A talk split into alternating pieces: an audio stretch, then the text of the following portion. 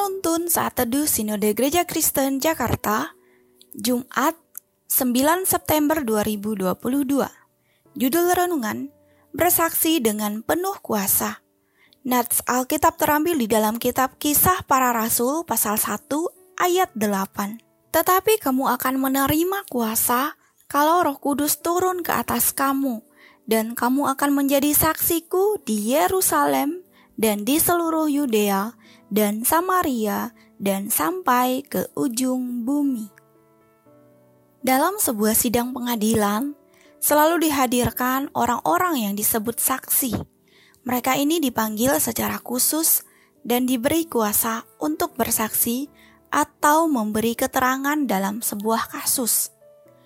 Kata kuasa dalam bahasa Yunani yakni dunamis, yang artinya kekuatan, keberanian, kesanggupan, mujizat.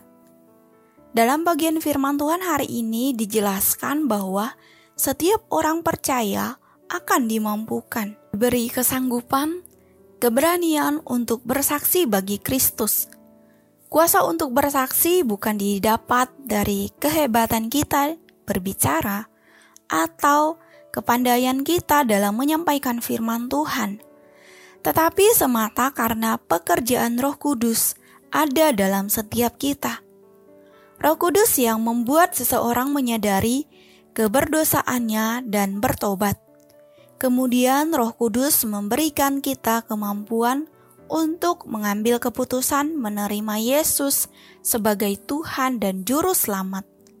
Jadi, Seseorang dapat percaya kepada Yesus adalah karena pekerjaan Roh Kudus, bukan karena kepandaian kita.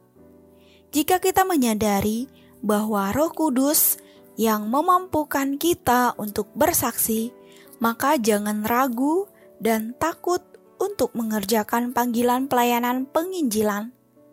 Ingat, Roh Kudus memberi kita kuasa untuk memberitakan Injil kita hanya perlu melakukan bagian kita.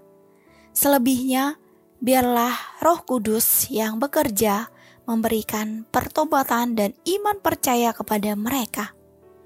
Bersaksilah dengan penuh kuasa. Bersaksilah dengan berani, karena Roh Kudus ada dalam setiap kita. Amin. Terima kasih, Tuhan Yesus memberkati.